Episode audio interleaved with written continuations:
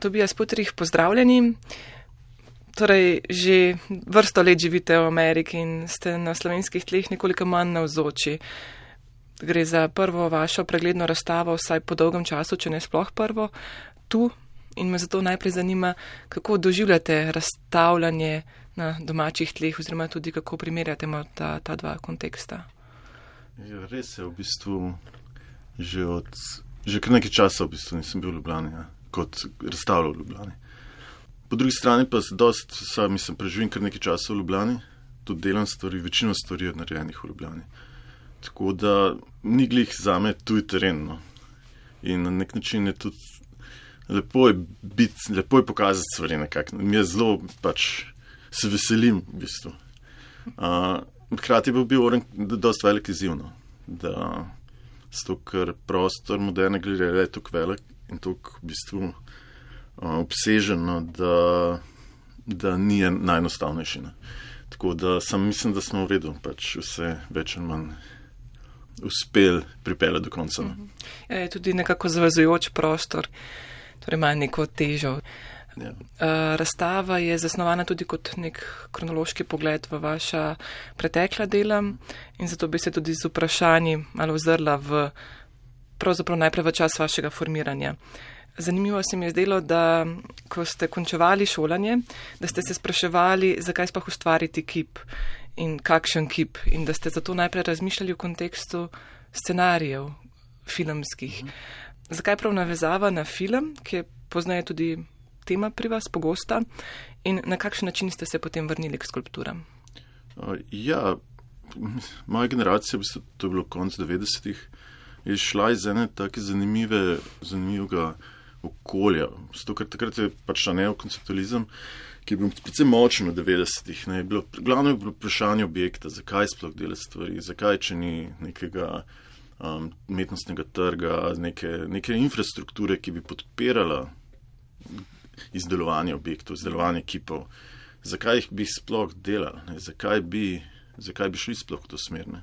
Tako da, v bistvu tam moja generacija, takrat že na akademiji, se mi zdi, da se je sprašvala glih o tem, kako najti pot iz tega, v bistvu, iz te pač situacije. Um, tako da moja ideja je bila ta, da v bistvu gremo gledati gled neke stvari, ki so mogoče dosti blizu kiparstvu niso pa kipi, to je neka scenografija, neka filmska arhitektura, neka arhitektura kinodvoran, torej neka materialnost, ki je povezana z nekim drugim, podobnim, usporednim razmišljanjem. Zato je tudi v bistvu moje prve stvari, no, so bile povezane z to um, zgodovino um, filmske arhitekture, pa zgodovino dvoran, filmskih dvoran in pač čist raziskavo in študijem take arhitekture. No iz tega so pač tudi šli ti modeli, modeli kinov, modeli v bistvu, da so veliki, v bistvu skoraj scenografije neke kinodvorane. Ja, torej omenili ste arhitekturo in to je bila tudi ena izmed tem, ki se mi zdi, da je bila navzoča v umetnosti 90-ih let. Prav to, ta odnos med arhitekturo in kiparstvom, recimo Maretica Potrč. Ta preplet je bil močan. In sem želela še malo ostati pri tem obdobju 90-ih in omeniti, če morda Jožeta Barša in njegov razmislek o funkcionalnosti kipa, ne, ali je nekaj še skulptura, če ima funkcionalno vrednost. Kako pomembne so bile te neki torej, razmisleki 90-ih let za vaše delo? Ja, ja sigurno. Mislim, mm. te v bistvu generacije Maretice, Barša, v bistvu mogoče še mal prej pred generacijo. Jani Žvegal, naprimer, Majli Cul in podobnih, ki so v bistvu poskušali doseči nek ekstrem nekega bolj čistega konceptualizma. Čeprav ja, Janja Žvegal in Majli Cul gresta že prav v neko drugo smer, nista več. Ja, ja, se, mislim, sem v bistvu ja. njihov, njihov nek, nek način, njih, njuna pozicija, pa še par ostalih v bistvu, se mi je zdela tako, tako radikalna, da v bistvu se moraš nanesti na njo nekako, če hočeš rešiti to situacijo. Sploh recimo Janin, Janin projekt Turist, takrat, ki je naredila v Tolminu, se mi zdi, uh, je en izmed takih ključnih projektov, se mi zdi, v katerem je pač vprašanje, ne? če obstaja le fotografija, ki jo obiskovalec najde v žepu, ko gre, ko gre, ko gre obiskati knjižnico, če je to edini objekt, ki ostane, nek naključni objekt v bistvu. Um, kaj pride za tem, kaj lahko narediš, ali greš lahko naprej v tem ekstremu ali moraš stopiti nazaj. Ne? In kako stopiš nazaj, v bistvu? kako stopiš nazaj v nek objekt, v nek, nek, neko galerijo in ponovno poskušaš izdelati nekaj. Ja, prav to korona tudi stopa s tem ja. v naš življenjski vsakdan. Ja, ja medtem med med kot je pa cela zgodovina, za tem minister uh, Barši, pa Meletico, je pa v bistvu zanimivo to izhodišče, pa gledati nazaj celo to relacijo med arhitekturo in kiparstvom. Arhitektura, kiparstvo, urbanizem ne, in kako, oziroma umetnost, arhitektura, urbanizem in kako so se v bistvu prepletali skozi celo zgodovino v bistvu modernizma. Ne. No, to je tudi eno izmed mojih naslednjih vprašanj, ki je v tem smislu namreč, kako pa vi pristopate k temu prepletu. Recimo v enem projektu ste tudi stolovali z arhitektom, sicer se nanašate na neke arhitekturne modele, kaj bi rekli, da je značilno za vašo prakso v tem oziru? Ja, ja sodeloval sem v bistvu z mnogimi, dostmi, vsaj petimi različnimi biroji. In arhitektura je dejansko še danes en tak, kako bi rekel, ključni, ključno sidro te, vsega, mojega, vsega mojega razmišljanja. In rekel bi, da sploh, ko sem začel, ko sem začel enkrat razmišljati o arhitekturi, o arhitekturi kina, ne, sem začel razmišljati v bistvu preko nekega fizičnega prostora. Kaj je fizični prostor kina? Kaj je to dvorana, sedež, kakšne so v bistvu razmišljati o neki taktilnosti kina, ki je v bistvu ena ključnih, če se tega modernizma nazaj od začetka, v bistvu ena ključnih elementov. Um, torej, telo, ki je v kinu, ne, to taktilno, taktilno zaznavanje. In pol, če grem, ko sem šel pa gledati nazaj, mislim, čist pač nazaj v to zgodovino taktilnosti in modernizma, pa prideš v bistvu do, do teh pedagoških v bistvu projektov 19. stoletja, katerega mogoče najlažje tukaj predstavljamo si kot recimo Montessori šola. In ta, ta linija, v bistvu, ki gre nazaj do začetka 19. stoletja, do Pestalocija in Frebla, torej do teh švicarskih reformistov, torej reformacije, izobraževalne, izobraževalne reforme, predvsem koncentrirane na, Nem, na Nemčijo, pa tudi mogoče razširjene malo krok. In ki je bila pa tako vplivna v bistvu znotraj, znotraj umetnosti in arhitekture in jo je tudi povezovala. Ne? Razmišljamo od Lego kock do cele igranja, do vsega. Prav to je nekaj, kar tudi Tako. opazimo ne, v vašem delu. Ja. Strukture, ki spominjajo ja. na kocke, tudi igra, pravite, da je pomembna. Ja. Igra pa verjetno pomembna tudi za učenje. Ja. Moče še kakšna beseda o tem, pa tudi ta, moče ta navezava na kinematografe, pa mi ni posem jasna. Mhm. Ja, v bistvu je povezava je taktilnosti. Povezava je v bistvu v tem znanju, ki ni usmerjeno na racionalno znanje, ampak je usmerjeno, kot so rekli, takrat Nemčiji, znanje spodaj, znanje podznanje, neko znanje povezano s telesom. Kaj zdaj to pomeni? Mislim, kako zdaj v bistvu razločiti ta dva znanja, kjer je lahko vrednejše od drugega. Ne? In glih to znanje, utelešeno znanje, ne? je v bistvu ena povezalna, povezovalna točka tega. Ne? Kako v bistvu v zgodnem otroštvu, kako za neko igro v bistvu si ustvariš nek relacijo do prostora. In ta relacija do prostora v kinu je, in te relacije so dosti nezavedne. Ne? In ta, tudi ta nezavednost v bistvu kina, ti prideš in pustiš telo v temi, gledaš, je zgolj nekaj, ampak telo je še vedno bistveno pri tej izkušnji. V kino bi se še vrnila, najprej morda samo še dodajeva za poslušalce, kakšen primer, na, kak, na katerega se na to recimo modularnost um, igro referirate v svojih delih. Ko ste omenili v bistvu ta ideja modularnosti, ideja modula, je bila ena ključnih idej modernizma. In sicer ena izhajala iz, iz optimizacije in cele industrije, v začetku, ja tudi še do 19. stoletja, v katerem je arhitektura bila zelo prisotna tudi Corbizije in vsi so šli zavestno v kreiranje nekih modulov, v kreiranje, v kreiranje nekih standardov proizvodnje. Druga je pa seveda povezana na igro, ne? modul kot Lego kocka, modul kot, modul kot neko zlaganje, zlaganje stvari, kreiranje iz nekih elementarnih elementov, kreiranje podob, kreiranje, grajenje. Prek igre je mogoče si lažje predstavljati to. Ne?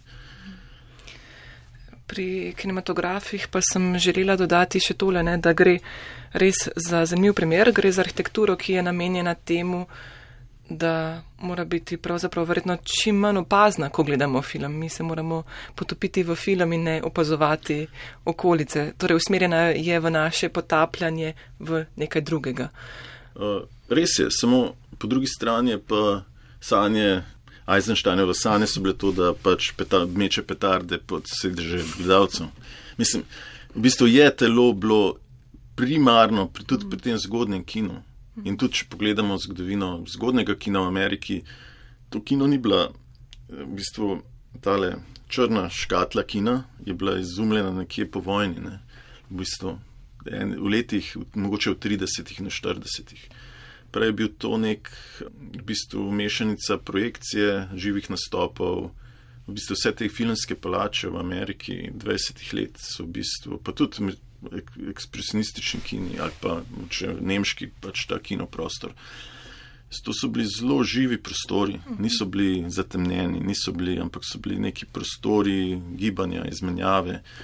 Recimo kinopalače v Ameriki so imeli vrtce, neke lepotilne salone. To je bil pač prostor, kjer so se ljudje dejansko zbirali ne? in niso šli v temo. Mogoče je bila tema vmes, nekim najprej bi bila predstava živa predstava, potem bila projekcija. Mislim, ta odnos do kina se je zelo spremenjal, od zgodnega kina do kina, teh black box, torej zatemnjenega kina, do multipleksa, ki pa spet ni čist popolnoma. Če pomislim na multiplex, ni popolnoma črna škatla, ki, v katero vstopiš, ampak imaš, dobiš vse prej, vse stvari, ki te peljajo tja notne. Mm, ja, nek tak prehod je. Ja. Um, je zanimivo, ne, ker se mi zdi, da bi pri kinu najprej pomislili, da je tem oziru bistveno drugačen od galerije, kjer se ti bolj gibaš, je osvetljeno. Mm. Mogoče še to, kako pa gledate potem na galerijski prostor, kot tudi na prostor, ki nam nudi nek pogled na dela, ne, na ta mm. displej. Recimo spomnila sem se tudi na dela Davida Malkoviča, ki razmišlja pro tem galerijskem displeju. Ja, na nek način usporedno s tem kin je seveda pri vsaki razstavi znotraj tega belega prostora, hočeš nočeš razmišljati, mislim, tudi v mojem delu razmišljam o tej postavitvi, o zgodovini postavljene razstave. Ker v bistvu se gre za nek način na istem nivoju, gre se za arhitekturo razstave. Tako kot se gre za arhitekturo kina, se gre za arhitekturo razstave.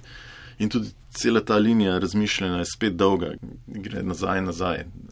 In, in me tudi, mislim, saj zadnje deset let me tudi zelo zanima in pač grem zavestno v to smer. Ne. Ja, tokrat sta recimo s Kustosom Igorjem Španjolom pristopila na način tematiziranja skladišča, če prav mm. razumem. Ja, zato ker tukaj v moderni v bistvu smo se odločili tudi zaradi različnih razlogov, od budžeta do logistike, da je težko prikazati te kinoprojekte, zato ker vključujejo predvsej veliko produkcijo zato ker so dosti blizu scenografije in taki projekti so doskrat tudi uh, specifični za prostor in se potem podrejo, reciklirajo in obnašajo se kot objekt. In tako da smo probali gledati nazaj in probali na nek način določiti obstoječe objekte, ki so pa več ali manj bolj koncentrirani na vprašanje te modularnosti, na bolj to elementarno vprašanje kosa, ki se lahko razmnožuje. In zato sem več ali manj se fokusiral na te objekte, samo ko poprašujem o teh objektih, to so objekti, ki se aktivirajo na nek način. So vedno objekti, ki katerem gledalec pride in jih nekako lahko razvršča. Ne. Kar seveda spet pol. Jih, mislim, dejansko recimo. To, to spet pride do določenih problemov, seveda znotraj nekega belega prostora galerije. Ne. E, ker, Sto, ker če poslušaš. Čutka, če, da smeš priti pa nekaj razvrščati. Seveda ne, sto, ker pa je ta, potem se tukaj začne politika muzeja. Ne. Kolik dejansko je pripravljen muzej na neko interaktivnost. Pa tudi, koliko sem jaz pripravljen. Sto, ker to pomeni, da, velik, da 90% primerih se, so vse stvari uničene po treh mesecih. Tako da tukaj smo pač se pač nekako probali doseči nek kompromis, da se usmerimo na neko predstavitev razstave kot skladišče, iz katerega se lahko vzame pač kos, dva, tri in preko nekih delavnic se, se obiskovalci lahko tudi angažirajo z njimi. Na nek način sodelujejo in probajo pač graditi se nekako spoznavati s temi objekti. Torej bodo sledile tudi delavnice. Tako je. Ja, Mhm. ja moram reči, da te kartonske skulpture res krkličajo k temu, da bi si jih želeli dotakniti. Ne. Pri kinematografih prej sem želela dodati še eno vprašanje, mi je šlo iz misli. Kaj pa recimo pomeni, kadar se sklicujete na arhitekturo kinematografov, ampak tudi opirate filmski program? Kaj to recimo prinese, ta vsebina? Ja, zanimivo vprašanje. zato Ker velikrat nisem hotel niti spuščati se na nivo kuriranja filmskega programa znotraj nekih struktur, ki sem jih ustvaril. Um, in sem dosti to prepustil pa kuratorju, da reagira na moje. Ja, pač jaz sem re- reagiral na neke reference, na neke zelo specifične, pač zgodovino, včasih, včasih obstoječo arhitekturo. Potem pa je kurator reagiral na moje, na moje. Bil se vse šel za nek tak trikotnik izmenjave znanj, izmenjave nekih mnen. Tako da ho- hotel sem se na nek način distancirati od tega. Tudi da moj fokus je zgolj v tem postavljanju in izdelavi, medtem ko vsebina se poplete pa preko inštitucije. Tako da to je čisto zavestna odločitev, v bistvu, da se nočem usmeriti v zgodovino samega filma, ampak ostajam na nekem površju, ki se tiče samo, samega prostora. Torej ne grem na, na drugo stran platna, ampak ostajam na tej strani. Ja, ker je ta arhitektura Ja. tista, ki nas pravzaprav tudi določa, kako to vsebino gledamo. In sta to- dva različna podarka. Sem pa, sem pa dejansko doskrat, mislim, sem kar veliko projektov naredil z, z obstoječimi filmi, lahko čist uh, zgodovinskimi filmi ali pa z novimi avtori. In naredil v bistvu dizajnerov ali pa ustvaril neke prostore za projekcijo specifičnih filmov ali pa specifičnih videodel. Bi se premaknila k vprašanju modelov. Ne? Pogosto se govori o modelih pri vašem delu in me zanima, kaj je tisto, kar določa, da je nekaj model in ne skulptura. Je to referiranje na neke obstoječe arhitekture, je to uporaba vsakdanjega materijala, mogoče velikost objekta, torej kdaj gre za, obje, za model, kdaj gre za skulpturo. Ja, se, to je nek spolzak teren, ker nikoli ne veš. Ne. Ni, nikoli ni čist jasno, zdaj, kaj je zdaj model, kaj je, kaj je kip, kaj je, kaj je prototip. Mislim, najlepše se zato, mislim, cela moja ta proces izdelovanja je nek tak proces od mm, risbe do. Od skice do risbe, do nekega zelo osnovnega modelčka, do bolj kompleksnih modelov, do prototipa, pa včasih pa celo od prototipa naprej do, resne, do končnega izdelka. Ne. Zdaj, kaj je zdaj model tukaj, kaj je kip, ponovadi je od gledalca odvisno, kako v bistvu interpretirati cel ta proces, pa kaj je vid, vidne. Zdaj, ali, tudi pri vseh teh končnih modularnih projektih. Zdaj, osnovni model lahko rečemo, da je model. To so vsi modeli načelno. Tudi če se reče, da so končane zadeve. Samo so, so modeli za nekaj, z neko, neki skoraj taki matematični, oziroma neki geometris, geometrični modeli za nekaj naprej. Kar mogoče ne sledi, mogoče sledi v mislih. Ali, Ja, ja, ja. zdaj ali je to arhitektura dejanska, ali, to, ali so to igrače, ali so to mm, kipi. Težko reči, mislim, glih ta spolsko starina v bistvu ustvari neko napetost, pa neko zanimivo dinamiko, se mi zdi. Moče neka podobna spolskost še v nečem, namreč ko sem se pogovarjala s Kustosom Igorjem Španjolom, ko sta še postavljala razstavo in sva komentirala, ali že stoji, kolikšen del že stoji, je rekel, ja, ampak v resnici pa stoji večji del, kot morda izgleda na prvi pogled. Torej, da tudi dela činkujejo nekako, kot da še niso postavljena. Ja, ja. Saj, mislim, jih iz te spolskosti modela samega je v bistvu se izpostavil proces. Zato, ker pač, ko pa se enkrat fokusira na proces, je pa ta proces zanimivo staviti na kjerkoli točki, da, da sproži neko reakcijo pri gledalcu. Ali je to dejansko upletenost gledalca, neka taktilna upletenost, ali je to zgolj m, neko vprašanje, vprašanje modela. Ja, no, ja. No, če sva govorila predvsej tudi o nanašanju na avantgarde, ki, na zgodovinske avantgarde, ki so tudi ena izmed referenčnih točk vašega dela. Me zanima še to, zdi se, da se predvsem nanašate na neki vizualni, formalni ravni, ne toliko prek razmisleka o njih, njihovi recimo družbeni vlogi tedaj. Mhm. Kaj pomeni tak način pristopa? Ja, sej iz neke strani, če se pogleda na vse te moje stvari, ki so noti, v bistvu skupna točka je vprašanje formalizma. In tudi vprašanje, ker dejansko celo to, kar so debatirali prej, da izobraževalni moment je jedro formalizma. Iz tega je cel formalizem, modernistični formalizem izšel, cel formalizem te radikalne, radikalne arhitekture, Bauhausa. V bistvu ta moment, na katerega v bistvu nisem bil niti najbolj pozoren, ne, najprej, ampak na koncu konca se dojel, da ja, to je v bistvu neko, neko jedro preko katerega se je v bistvu razvil ta modernistični formalizem. Pač izdelovanje, fokus na objekt, fokus na materialnost, fokus na izdelovanje, na proces. In ki na nek način, če pogledamo, seveda, to, tudi kinodvorane, ima nek socialni element. Preko, preko teh izobraževalnih v bistvu, interakcij, preko taktilnosti je nek, neko zna, nek socialni moment, neko znanje, ki je podano, ni pa fokus v bistvu tega. Moče pri vplivih, ko so gre v vplivih, um, omeniva še vence Slava Richterja in nove tendence. Uh -huh, uh -huh. Na kakšen način, kakšna beseda? Mislim, da tem, da so bila 60. nek zelo zanimiv moment znotraj našega prostora. Ravno s novimi tendencami, pa s tem nekim fokusom na to predračunalniško logiko, v bistvu to logiko, ki pa ta predračunalniška logika je pa logika modula. In sicer vprašanje modula je, kako modul omogoča neko narekvaj računanje. Tako kot imamo neko, nek ta um, računalnik na, na kuglice, je to neko taktilno znanje, ki se prevede v neko dejansko materialno računanje, če bi tako, če bi tako rekel.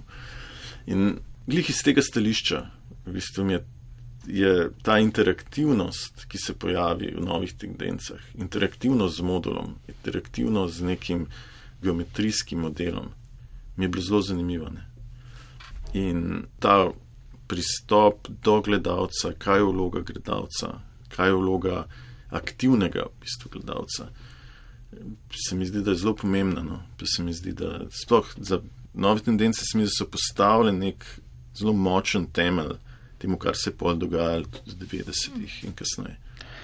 Pri modulu gre pa verjetno tudi za nanašanje na to idejo, da se neke oblike generirajo dalje brez umetnika, ne? kar je tudi nekaj, kar recimo pri vas izpostavlja Igor Španjol, ta neka generiranje. Ja, to, to je neko nezavedno generiranje, mm -hmm. kar nas spet pelje pol 19. Čeprav... stoletje, pa vse to, to igro in to, uh, ta izobraževalno reformo. Mm -hmm pač to nezavednost v bistvu forme, kako forma lahko nastane preko umetnika ali pa preko neke skupnosti, nekega, neke skupine ljudi v bistvu.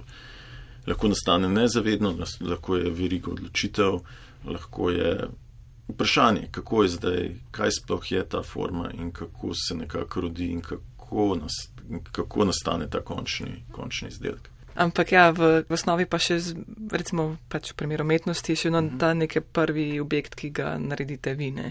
tudi če slutimo potem neko možno nadaljevanje. Ja, ja se doskrat, doskrat tudi v tej celi zgodovini se šlo za umetnika, ki določi neke pravila. Neka pravila, kako naj bi ta objekt nastajal. Doskrat tudi ne naredi objekta, ampak uplete ljudi, ki to izdelujejo, doskrat čist na ključno, doskrat. Tako da in z tega stališča se pač razširi ta vloga umetnika. Ni samo, je vloga fokusirana na proces, ne pa na samo končni produkt. Omenili ste pravila in govorila so o igri. Se mi zdi, da prav pravila tudi določajo igro, ne pogoje ja. za igro so pravila. Ja. Kako gledate na neko svobodo, neko, ne vem, nek prosti prostor znotraj igre, ki jo določajo pravila na to razmerje. Ja, se vprašanje je zdaj, kaj, so, kaj je igra brez pravil. In tudi v svojih projektih sem pač parkrat, sem delal z skupinami, skupinami ljudi, skupinami obiskovalcev muzejev in smo igrali določene te igre, kako vzpostaviti neka pravila oziroma kako vzpostaviti neko svobodo znotraj omejenega okolja, nek, neke igre z nekimi moduli. Recimo. In na koncu koncev vidiš, da ljudje imajo zelo radi pravila in ljudje si izmislijo pravila, tudi če jih ni. In v vsaki igri skupine, znotraj skupine, neke skupine, se te pravila doskrat pojavijo čisto spontano. Tako da, v bistvu je zanimivo vprašanje, ne? zdaj, kje, kje je ta svoboda, kaj je v bistvu igra, kaj je sploh definicija igre. Ne? Je pa tudi res, ali obstaja igra brez pravil. Ja, vse to, verjetno ne. ne. Verjetno, verjetno se ta pravila generirajo tako, ker se kokr, na isti način, kot se generira tudi sam objekt. In ljudje prepoznavajo neke zakonitosti in tem sledijo. Mogoče za konec bi zaključila z vašim citatom. Ko ste v nekem intervjuju govorili o raznolikosti svojih del, mislim, da ste rekli nekaj v smislu, da če kaj povezuje vaša dela, je to iskanje ravnovesja med tem, da nek objekt obstaja in točko, ko se poruši, ko neha obstajati. Hmm. Zakaj se vam to zdi pomembno? Ja, ravno ta, rekel, ta nestabilnost v bistvu objekta, ta v bistvu ki kaže na nek proces, ki ne kaže na končni fiksiran objekt, se mi zdi zanimiva. In se mi zdi, da sproža nek, neko zanimivo reakcijo gledalca vedno. Ali bo objekt obstal, se bo podaril, ali bo ali to objekt skladišče, ali je dejansko aktiviran objekt, s katerim se lahko igraš, ali je pač vedno ustvari neko taktilno prisotnost telesa, se mi zdi. In glih ta taktilnost, o kateri so v začetku govorila, je se mi zdi ta ključni moment v tem celem tem. Oziroma, mojem izdelovanju objektov. No, verjetno se navezuje tudi na neko spolskost, napetost, o kateri so prav tako ja. govorila. Ja, ja. Tobija Sputrih, najlepša hvala za pogovor. Ja, hvala.